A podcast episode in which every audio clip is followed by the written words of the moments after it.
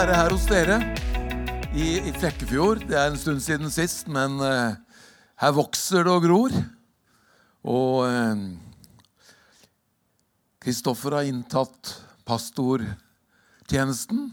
Sikkert lenge siden nå, men tre år, ja. ja. Men jeg følger jo litt med og uh, ønsker deg og lederskapet og menigheten alt godt og all velsignelse.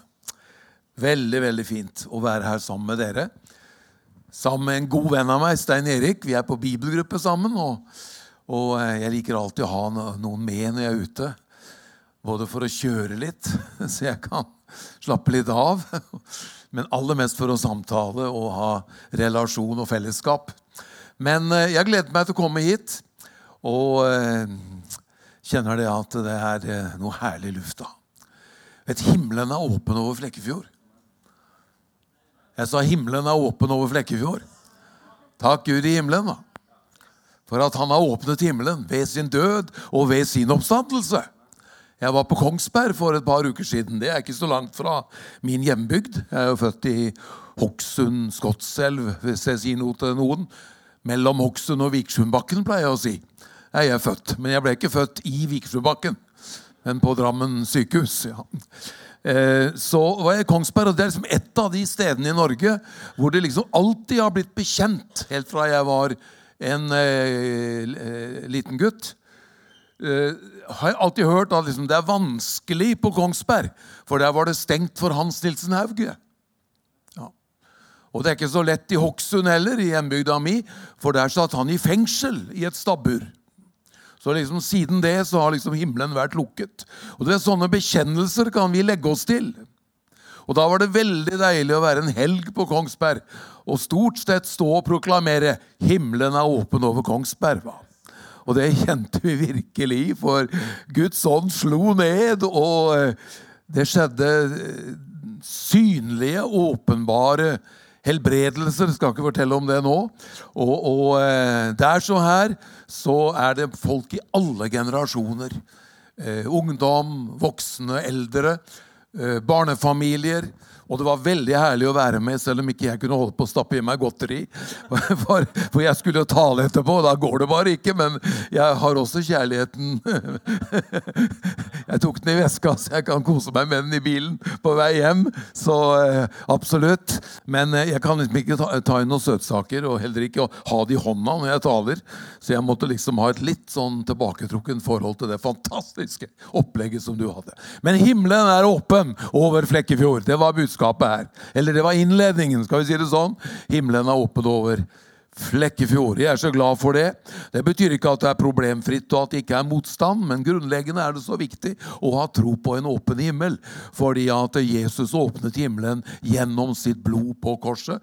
Han fjernet fiendskapet, han åpnet himmelens port både for mennesker til å bli frelst og komme fram, som du sa, til den endelige frelsen som vi skal snakke litt om nå om et øyeblikk, men også til å møte Herren her og nå. Og så er det sånn at eh, himmelen er åpen, så vi behøver ikke å legge ned menigheten. Vi kan bare ekspandere. Jeg sa vi kan ekspandere. Ja. Halleluja. Jeg maser til jeg får respons, vet du. Jeg har ikke forandra meg siden jeg var her sist. Så får bare være overbærende med meg. Så skal det her gå veldig veldig bra. Jeg gleder meg. Jeg er egentlig i gang med å, med å preke. Jeg er veldig dårlig på å selge bøker, altså si noe om bøker. Jeg er nesten sånn er for forsiktig. Men eh, jeg hadde med den siste boken min som Har noen lest den?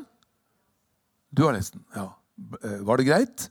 Skal ikke si, be deg skryte, da, men var det greit, liksom? det? Jeg tør, ikke, ja. jeg tør ikke å gå sterkere ut enn det. Var det greit, ja. Men eh, ok, men da er det et marked her da, for å få den på et spesialtilbud. For nå har den vært utsolgt for annen gang, og nå er den i nytt opplag. Jeg har kanskje noen med meg at det står andre eller første opplag i, fordi jeg hadde noen hjemme. Men fra forlaget så har den vært utsolgt. Og så har de fått speeda opp eh, trykkeriet igjen, trykkemaskinene. Så nå er den iallfall i tredje gangs opplag her. Og mm, Ja, det kommer nå. Ja, ja, jeg har lange innledninger, jeg, Kristoffer. Skjønner, jeg kommer ikke Ja, come on! Ja, ja. Hvis det blir sånn gjennom prekenen, så vil jeg så vil jeg sette pris på om du sitter der bak. Ja, Kom an, sier han. Ja. Kom til saken, du skal jo preke her også. Va? Ja. Du er god nok, heter den. Du er god nok, hva? Det er en bok om å slutte å streve og begynne å leve. Det er 20 enkle kapitler, og jeg har fått veldig god respons på den. Også fra uh, grupper, bibelgrupper som bruker den.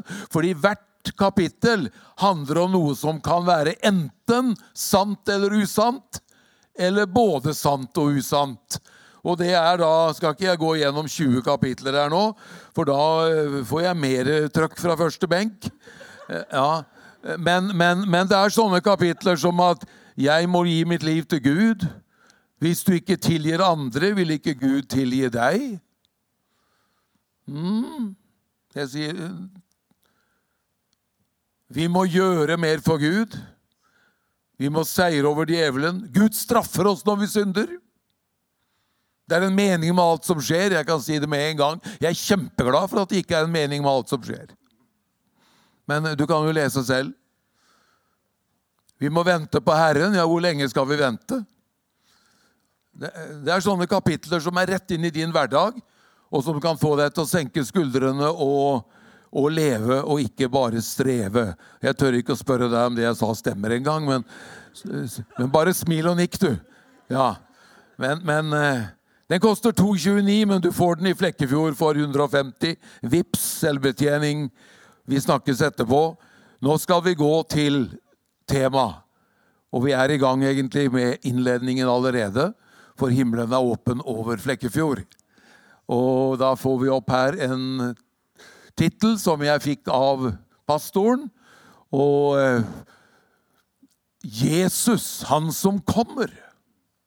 Og da sa vi til hverandre på melding, og jeg meldte til deg at jeg har ikke veldig på hjertet i dag, selv om jeg av og til gjør det, å tale om tidens tegn og og, og, og, Israel, og det er før konflikten som er akkurat nå, som vi er veldig fortvila over. Og samtidig står vi opp for Israel og imot antisemittismen som går fram i verden.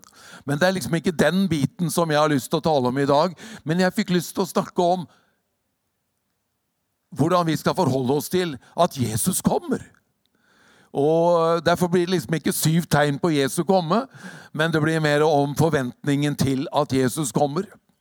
Eh, Jesus, han som kommer. Så har vi et par skriftsteder. Vi skal ta det første her. Hva heter du? Var du Vidar? Ja, Vidar. Vi er på sporet. Han som vitner om alt dette, sier ja, jeg kommer snart. Amen. Ja, kom, Herre Jesus. Vår Herre Jesu Kristi nåde være med dere alle. Amen. Det er altså siste verset, eller versene, i Bibelen. Og eh, vi, vi, skjønner at det er veldig viktig. At liksom vi, Hvis vi leser hele Bibelen igjennom, og leser igjennom åpenbaringen, Johannes' åpenbaring, så kommer altså sluttsatsen at Jesus sier ja, ja, det er positivt. Ja. Ikke nei, men ja. Jeg kommer snart. Og så svarer Kirken. Ja, kom, Herre Jesus. Skal vi si det høyt sammen? Ja, kom, Herre Jesus. Litt mer Flekkefjord-entusiasme. Ja, kom, Herre Jesus. Det er vårt svar på at Jesus sier 'Jeg kommer snart'. Eh, jeg bruker bare to minutter for å fortelle om min bestemor, som døde da jeg var elleve år gammel, og det er noen år siden. Og hun bodde hjemme hos oss fra jeg ble født. Hadde sitt eget rom og sin egen lille avdeling, men jeg var hos bestemor hver eneste dag. Vi trakk mannakorn. Jeg trodde til å begynne med at de bare kunne trykke, trekkes på mandager. Fordi jeg trodde det var mandakorn, men det var altså mannakorn. Altså manna, du vet manna. Israel fikk manna. Og vi trekte bibelord, og vi leste, og vi ba, osv. Jeg anbefaler deg systematisk bibellesning, og ikke bare sånn manna-bibellesning, hvor du trekker ord. Men jeg var hos bestemor, og noe av det hun snakket med meg om, ikke daglig, men veldig mye, det var den lengselen hun hadde etter at Jesus skulle komme tilbake. Og den var ekte, og den var reell, og den gjorde livsinntrykk på mitt liv. Så lå hun på dødsleiet. Og de siste dagene kan jeg godt huske, jeg skal ikke beskrive de for deg nå, men hun ble liksom dårligere og dårligere og mer og mer borte. Men det var én ting hun snakket om hele tiden. Det var 'Jeg vil være med på Jesu gjenkomst', sa hun. Og liksom når vi andre skjønte da at hun snart dør, så holdt hun hele tiden på meg. 'Han kan enda rekke det', sa hun. Ja. Mens jeg lever. For hun hadde ikke lyst til å dø på vanlig måte. Hun ville være med på direkten når Jesus kom. Nå var det sånn at Jesu gjenkomst for min mormor det ble sånn som det kanskje blir for de fleste av oss. For vi vet ikke når Jesus kommer.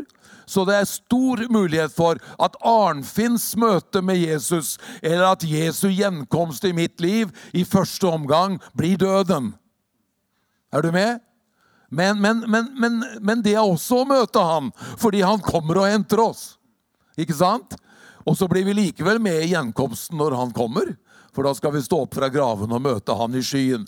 Så mormor hun døde på vanlig vis, for å si det sånn. Sovna herlig inn mens det ble lest bibelvers og sunget sanger. Og det var nesten himmel på jord, faktisk, når mormor døde og hun forsvant eh, hjem til himmelen, og bare kroppen lå igjen.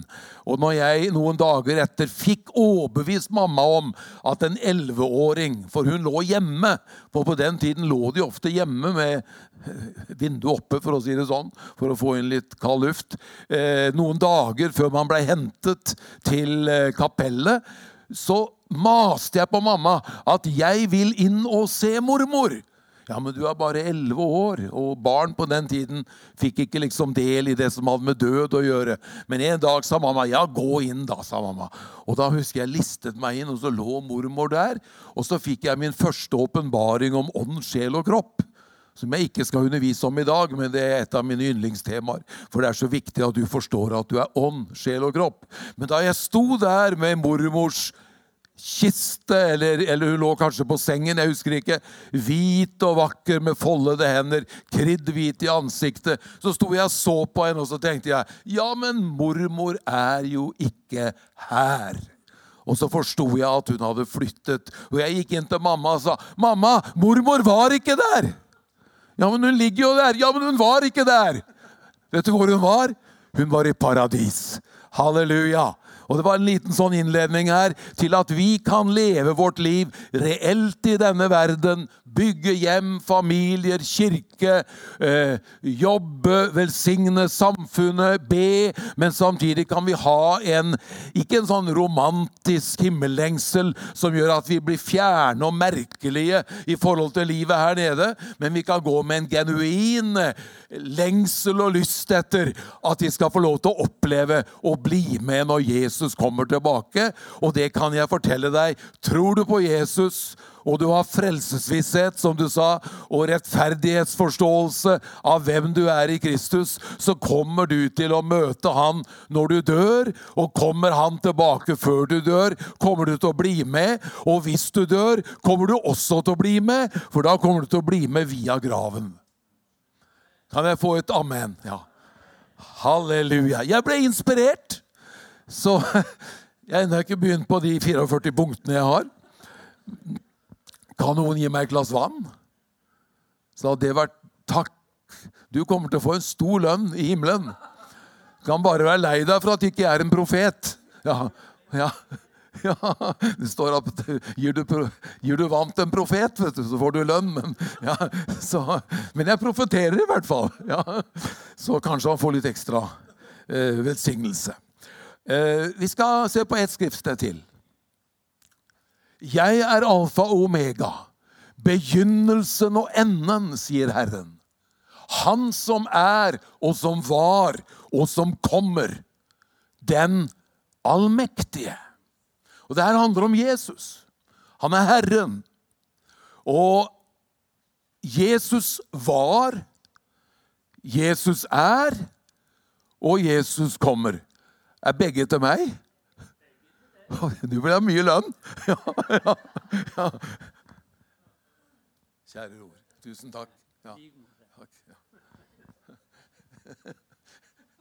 Ja. Det tar et kvarters tid før jeg får ned alt det her, så bare slapp av. Som et kvarter? Hva? Ja. ja. Jeg må få lov til å snakke et kvarter. Det er så, jeg visst tåler jeg det. Det er så herlig med disse herlige pastorene som sitter på første benk og er sånne sufflører og justerer litt og korrigerer litt. Og, ja, jeg hadde ikke tålt det når jeg var yngre, skjønner du. Men nå har jeg spist så mye slikkepinne, så nå går det. Ja, ja, ja, Ok. Ja, det er fint. Vi har et godt samarbeid her. Han som var, og som er, og som kommer. Og eh, bare se, se litt på det skriftstedet der. Jesus var. Vet du hva? Han er fra evighet. I den første kristne tid var det jo diskutert om Jesus var skapt eller født. For noen mente at han var skapt. Og hvis han var skapt, så var han ikke helt Gud. Og Derfor så ble det et veldig stort oppgjør med det den første kristne tid. At han var ikke skapt, men man var født av Gud. Og eh, Det skal ikke jeg teologisk begynne å legge ut for deg nå. Jeg skal bare understreke for deg at uh, han er ikke et skapt vesen. Han er Gud fra evighet av. Og når vi nå skal feire jul, så er det så fantastisk å tenke på at det i det lille barnet i Betlehem som var 100% Gud, og er det, og ble 100% menneske, var du og jeg. Fordi hele skapelsen var i det lille barnet, og alle mennesker som ble født, var allerede i fortid, nåtid og framtid i det lille barnet. Det var derfor han kunne bære hele verdens synd og ta bort verdens synd og gå til korset med verdens synd og stå opp igjen uten synd for at vi skulle bli rettferdiggjort og frie.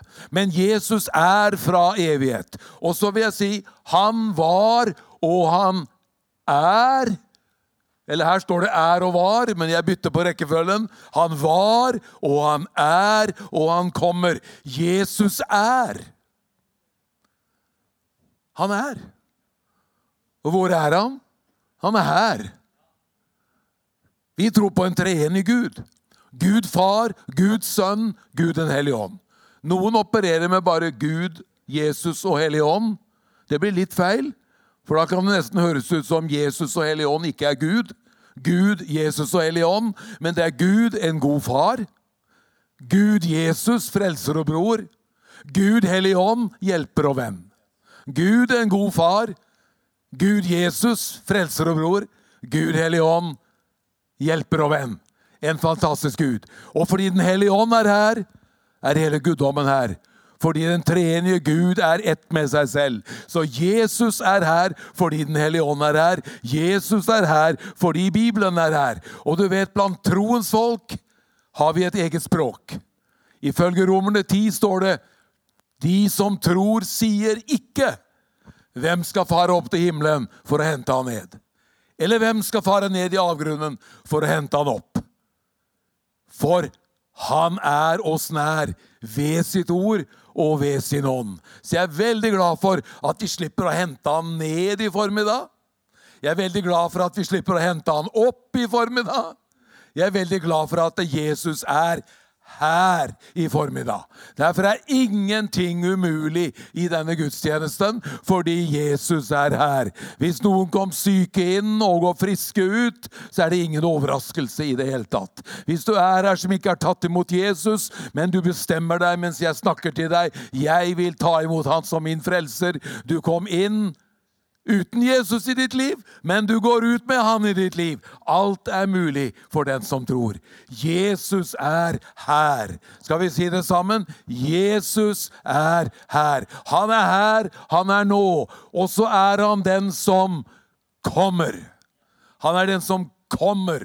Men nå ber jo vi jo av og til Hellige Ånd kom, Jesus kom, og da tenker vi på at han skal komme med sitt manifesterte nærvær og manifestere seg. Men vi bør aldri å si liksom Jesus kom i betydning av at han ikke er her. Jeg husker en sa fra et møte, det var for, for, mange år siden, men jeg kommer bare på det nå, at det hadde vært noe feil med fyringsanlegget i kirken så hadde det vært iskaldt i kirken den søndagen. Og da sa han som ledet møtet, for vi var en gjeng som satt og pratet, og sa han det var så kaldt og vi frøs, men på slutten av gudstjenesten kom Gud, og da ble det varmt. Jeg sa ikke noe for å ødelegge, men jeg tenkte hvor var Gud før han kom? Han var der da òg. Han er ikke her fordi vi føler det. Han er ikke her fordi varmeanlegget står på. Han er ikke her fordi det er liksom noe spesielt akkurat nå. Han er alltid til stede. Og hvis vi bygger vår tro på at Jesus er her, så vil mye mer skje.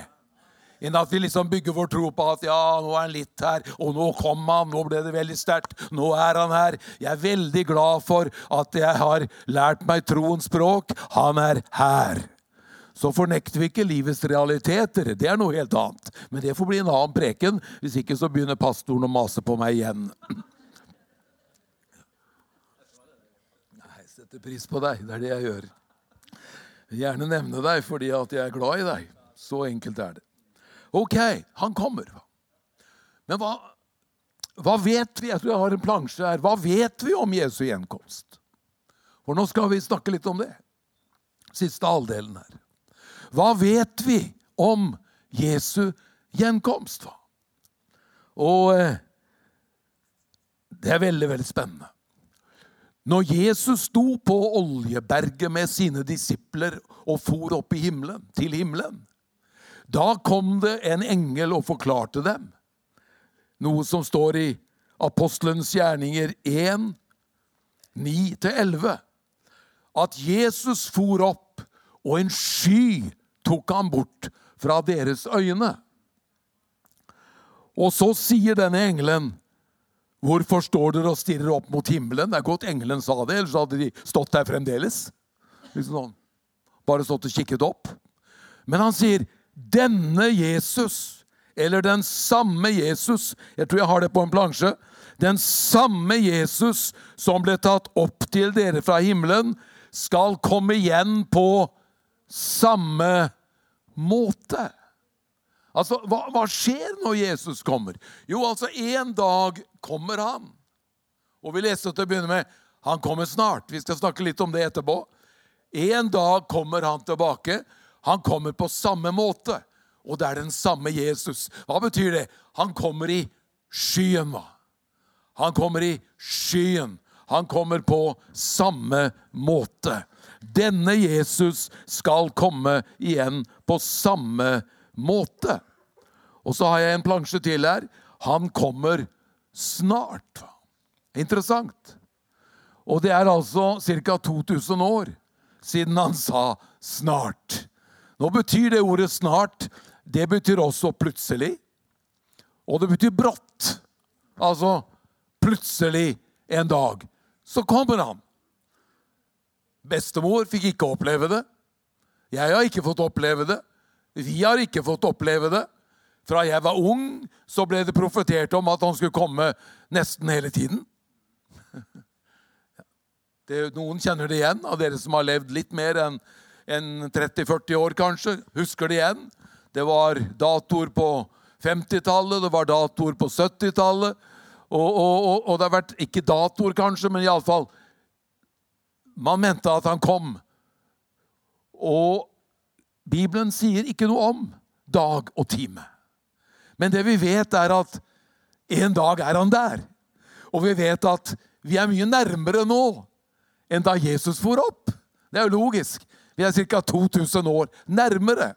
Samtidig betyr det ordet brått, og det betyr plutselig. Og i Peters brev så sier Peter at en dag for Herren er som tusen år for oss mennesker. Så eh, du kan si at fra Herrens side, kanskje Nå skal ikke jeg lage veldig teologi av det her, men fra Herrens side har det kanskje bare gått et par dager. Mens for oss har gått 2000 år.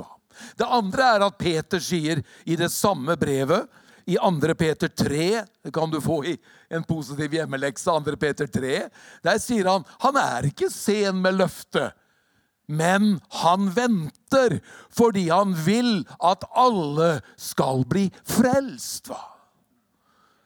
Ja, så Jeg sier ikke at absolutt alle blir frelst, for det kan jeg ikke liksom garantere med Bibelen i hånd. Men det jeg tror på, er at mange, mange, mange, mange, mange, mange flere skal bli frelst. Ikke minst i den tiden vi lever nå, som er endens tid, eller slutten på denne tidsalder som kalles nådens tidsalder. Jeg kan ikke forestille meg på tross av problemene i verden og, og, og ting både på åndelig sektor og verslig sektor, så er det mange problemer og mange vanskeligheter. Men jeg kan ikke forestille meg at endetidens store seierherre er djevelen.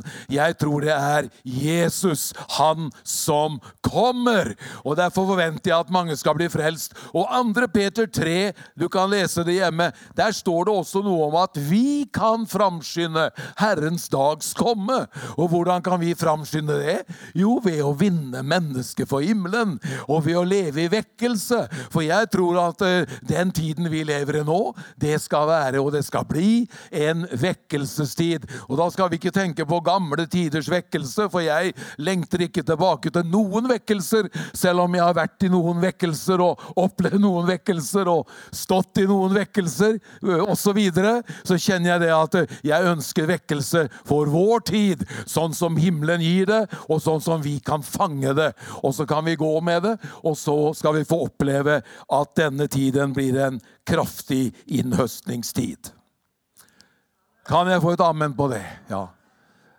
Har jeg brukt opp tiden? Har noen minutter til? Ja. Jeg kom jo sent i gang òg. Ja, ja, ja, Jeg så ikke helt på klokken. Oi, oi, oi, jeg skal preke til jeg har drukket opp alt vannet, sier han. Nei, jeg har lyst til at dere skal få komme hjem og feire farsdag. Så jeg skal ikke preke til jeg har drukket opp alt vann. Jeg tror jeg har en plansje til. Han kommer i to avdelinger. Nå er det uenighet blant ulike typer teologer om hvordan det her skjer med to avdelinger. Og, og jeg har ikke forandret Eh, det synet som jeg har hatt på det siden jeg ble lært i ungdommen av de gamle predikantene, som jeg syns var veldig gamle, men som sikkert var yngre enn det jeg er nå. Men det betyr ingenting. men eh, at Bibelen snakker om at Jesus kommer i to avdelinger. At han først henter hjem sin menighet, og at han så kommer ned på Oljeberget. Og, eh, og så er det diskusjoner om om det kan skje samme nesten i samme øyeblikk, mener noen. Andre mener at det er syv år med Antikrist, og midt i den tiden så skjer det, eller etter den tiden så skjer det. Men det er veldig uinteressant akkurat i formiddag. Men i en bibelundervisning i menigheten så skulle jeg gjerne gått nøye inn på det. Men ikke i formiddag. Jeg skal bare fortelle deg at det kommer til å skje i to avdelinger. Fordi Bibelen snakker om det. Og jeg er veldig, veldig fascinert av den første avdelingen, som heter bortrykkelsen. Og Derfor vil jeg legge litt vekt på det i siste delen av prekenen. Og, og, når jeg går inn i avslutningen. Og jeg har veldig mange avslutninger. Ja, noen fatter den etter hvert. Men ja. I eh, 1. Tessalonike 4, det kan du notere deg eller huske å ta med hjem, der står det om at Jesus skal komme tilbake på skyen, altså på samme måte som han for opp. Men i den første avdelingen skal han ikke komme ned på jorden, men han skal rykke sin menighet opp til seg i skyen. Og så skal vi gå inn til paradiset og alltid være sammen med Herren. Og det er noe kraftfullt. Det er noe veldig kraftfullt. Og det handler jo om at Jesus som brudgom henter sin brud. Så fins det også andre ting i endetiden og dommens dag hvor folk vil bli frelst og gå til høyre og venstre side og alt det der. Men det som er så vidunderlig, er at den som tror på Jesus, kommer ikke til dommens dag. For Johannes 3, 17 sier at vi har gått over, eller 3,18 Vi har gått over fra døden til livet, og vi kommer ikke til dommen. Så du må aldri tenke at du som har tatt imot Jesus og er rettferdiggjort i ham, at du skal stå der på en dommens dag og lure på om du havner på høyre eller venstre side. Jeg sier halleluja. Og jeg sier amen og takk og lov. Og Det er derfor det er så viktig å få flest mulig med på veien til himmelen. Fordi at eh, dette er jo den fantastiske muligheten vi har til å få lov til å møte Jesus i skyen. Og bli rykket inn i himmelens paradis sammen med ham. Og så skal vi alltid være sammen med Herren. Og det var det bestemor lengtet etter. Eh, det blir en fantastisk dag. For det blir nemlig en dag hvor det blir vekkelsesmøte på alle kirkegårder ute på havets bunn, ute på krigsmarker hvor det ligger lik som aldri har funnet. Og det er så mange flere som tror på Jesus enn det vi tenker.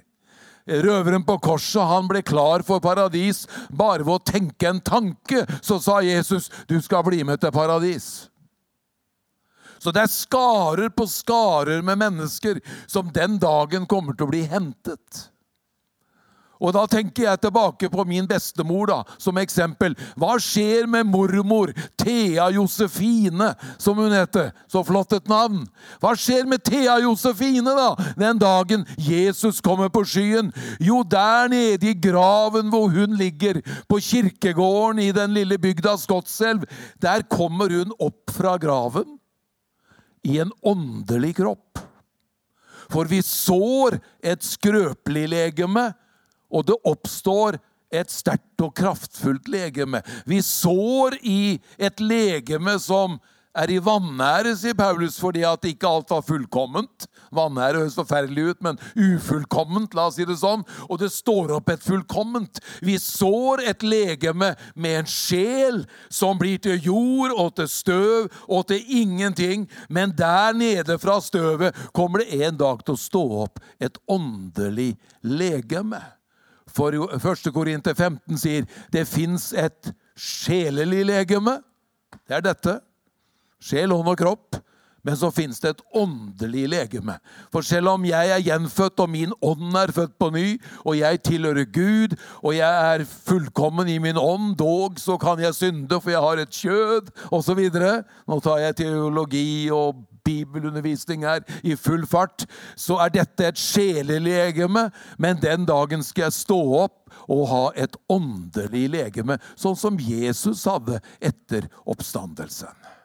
Og dette er så sterkt for meg, Kristoffer, hver gang jeg har begravelse, og jeg står der og, og, og, vi senker kisten ned, og jeg leser skriftstedene, så leser jeg ofte fra 1. Korinterne 15. Det sås i skrøpelighet, men det står opp i herlighet. Det sås et sjelelig legeme, men det står opp et åndelig legeme. Og så tenker vi det som vi sår i jorden, det er et såkorn. Det blir til ingenting på en måte, eller bare til, til jord, men det står opp et åndelig legeme den dagen Jesus kommer. Så den dagen Jesus kommer, da åpnes gravene på alle som tror på Han, sammen med oss som lever. Og så møtes vi i skyen, og så rykkes Arnfinn opp. Dette er jo fantastisk! Det er nesten som et eventyr, men jeg tror på Bibelen, så det er sant. Vet du hva? Se her, hør her. Og så rykkes Arnfinn opp, og så forvandles den kroppen min i opprykket. Slik at et legeme som Bibelen kaller for et skrøpelig legeme, et sjelelig legeme, et legeme som ikke er perfekt, det forandrer seg på veien oppover til et åndelig legeme. Og plutselig ser jeg bestemor! Og sier 'Hei, bestemor, det var lenge siden sist'. Og så sto hun opp fra graven, og så ble jeg rykket opp på direkten. Det er ingen grunn til å være redd for den dagen. Hallo? Det er ingen grunn til å være redd for den dagen. Ja, Hvordan kan du være så sikker, da, Arnfinn? Jeg er kjempesikker fordi jeg har tatt imot Jesus som min frelser. Det har ingenting med hvor god du er, eller hva du får til.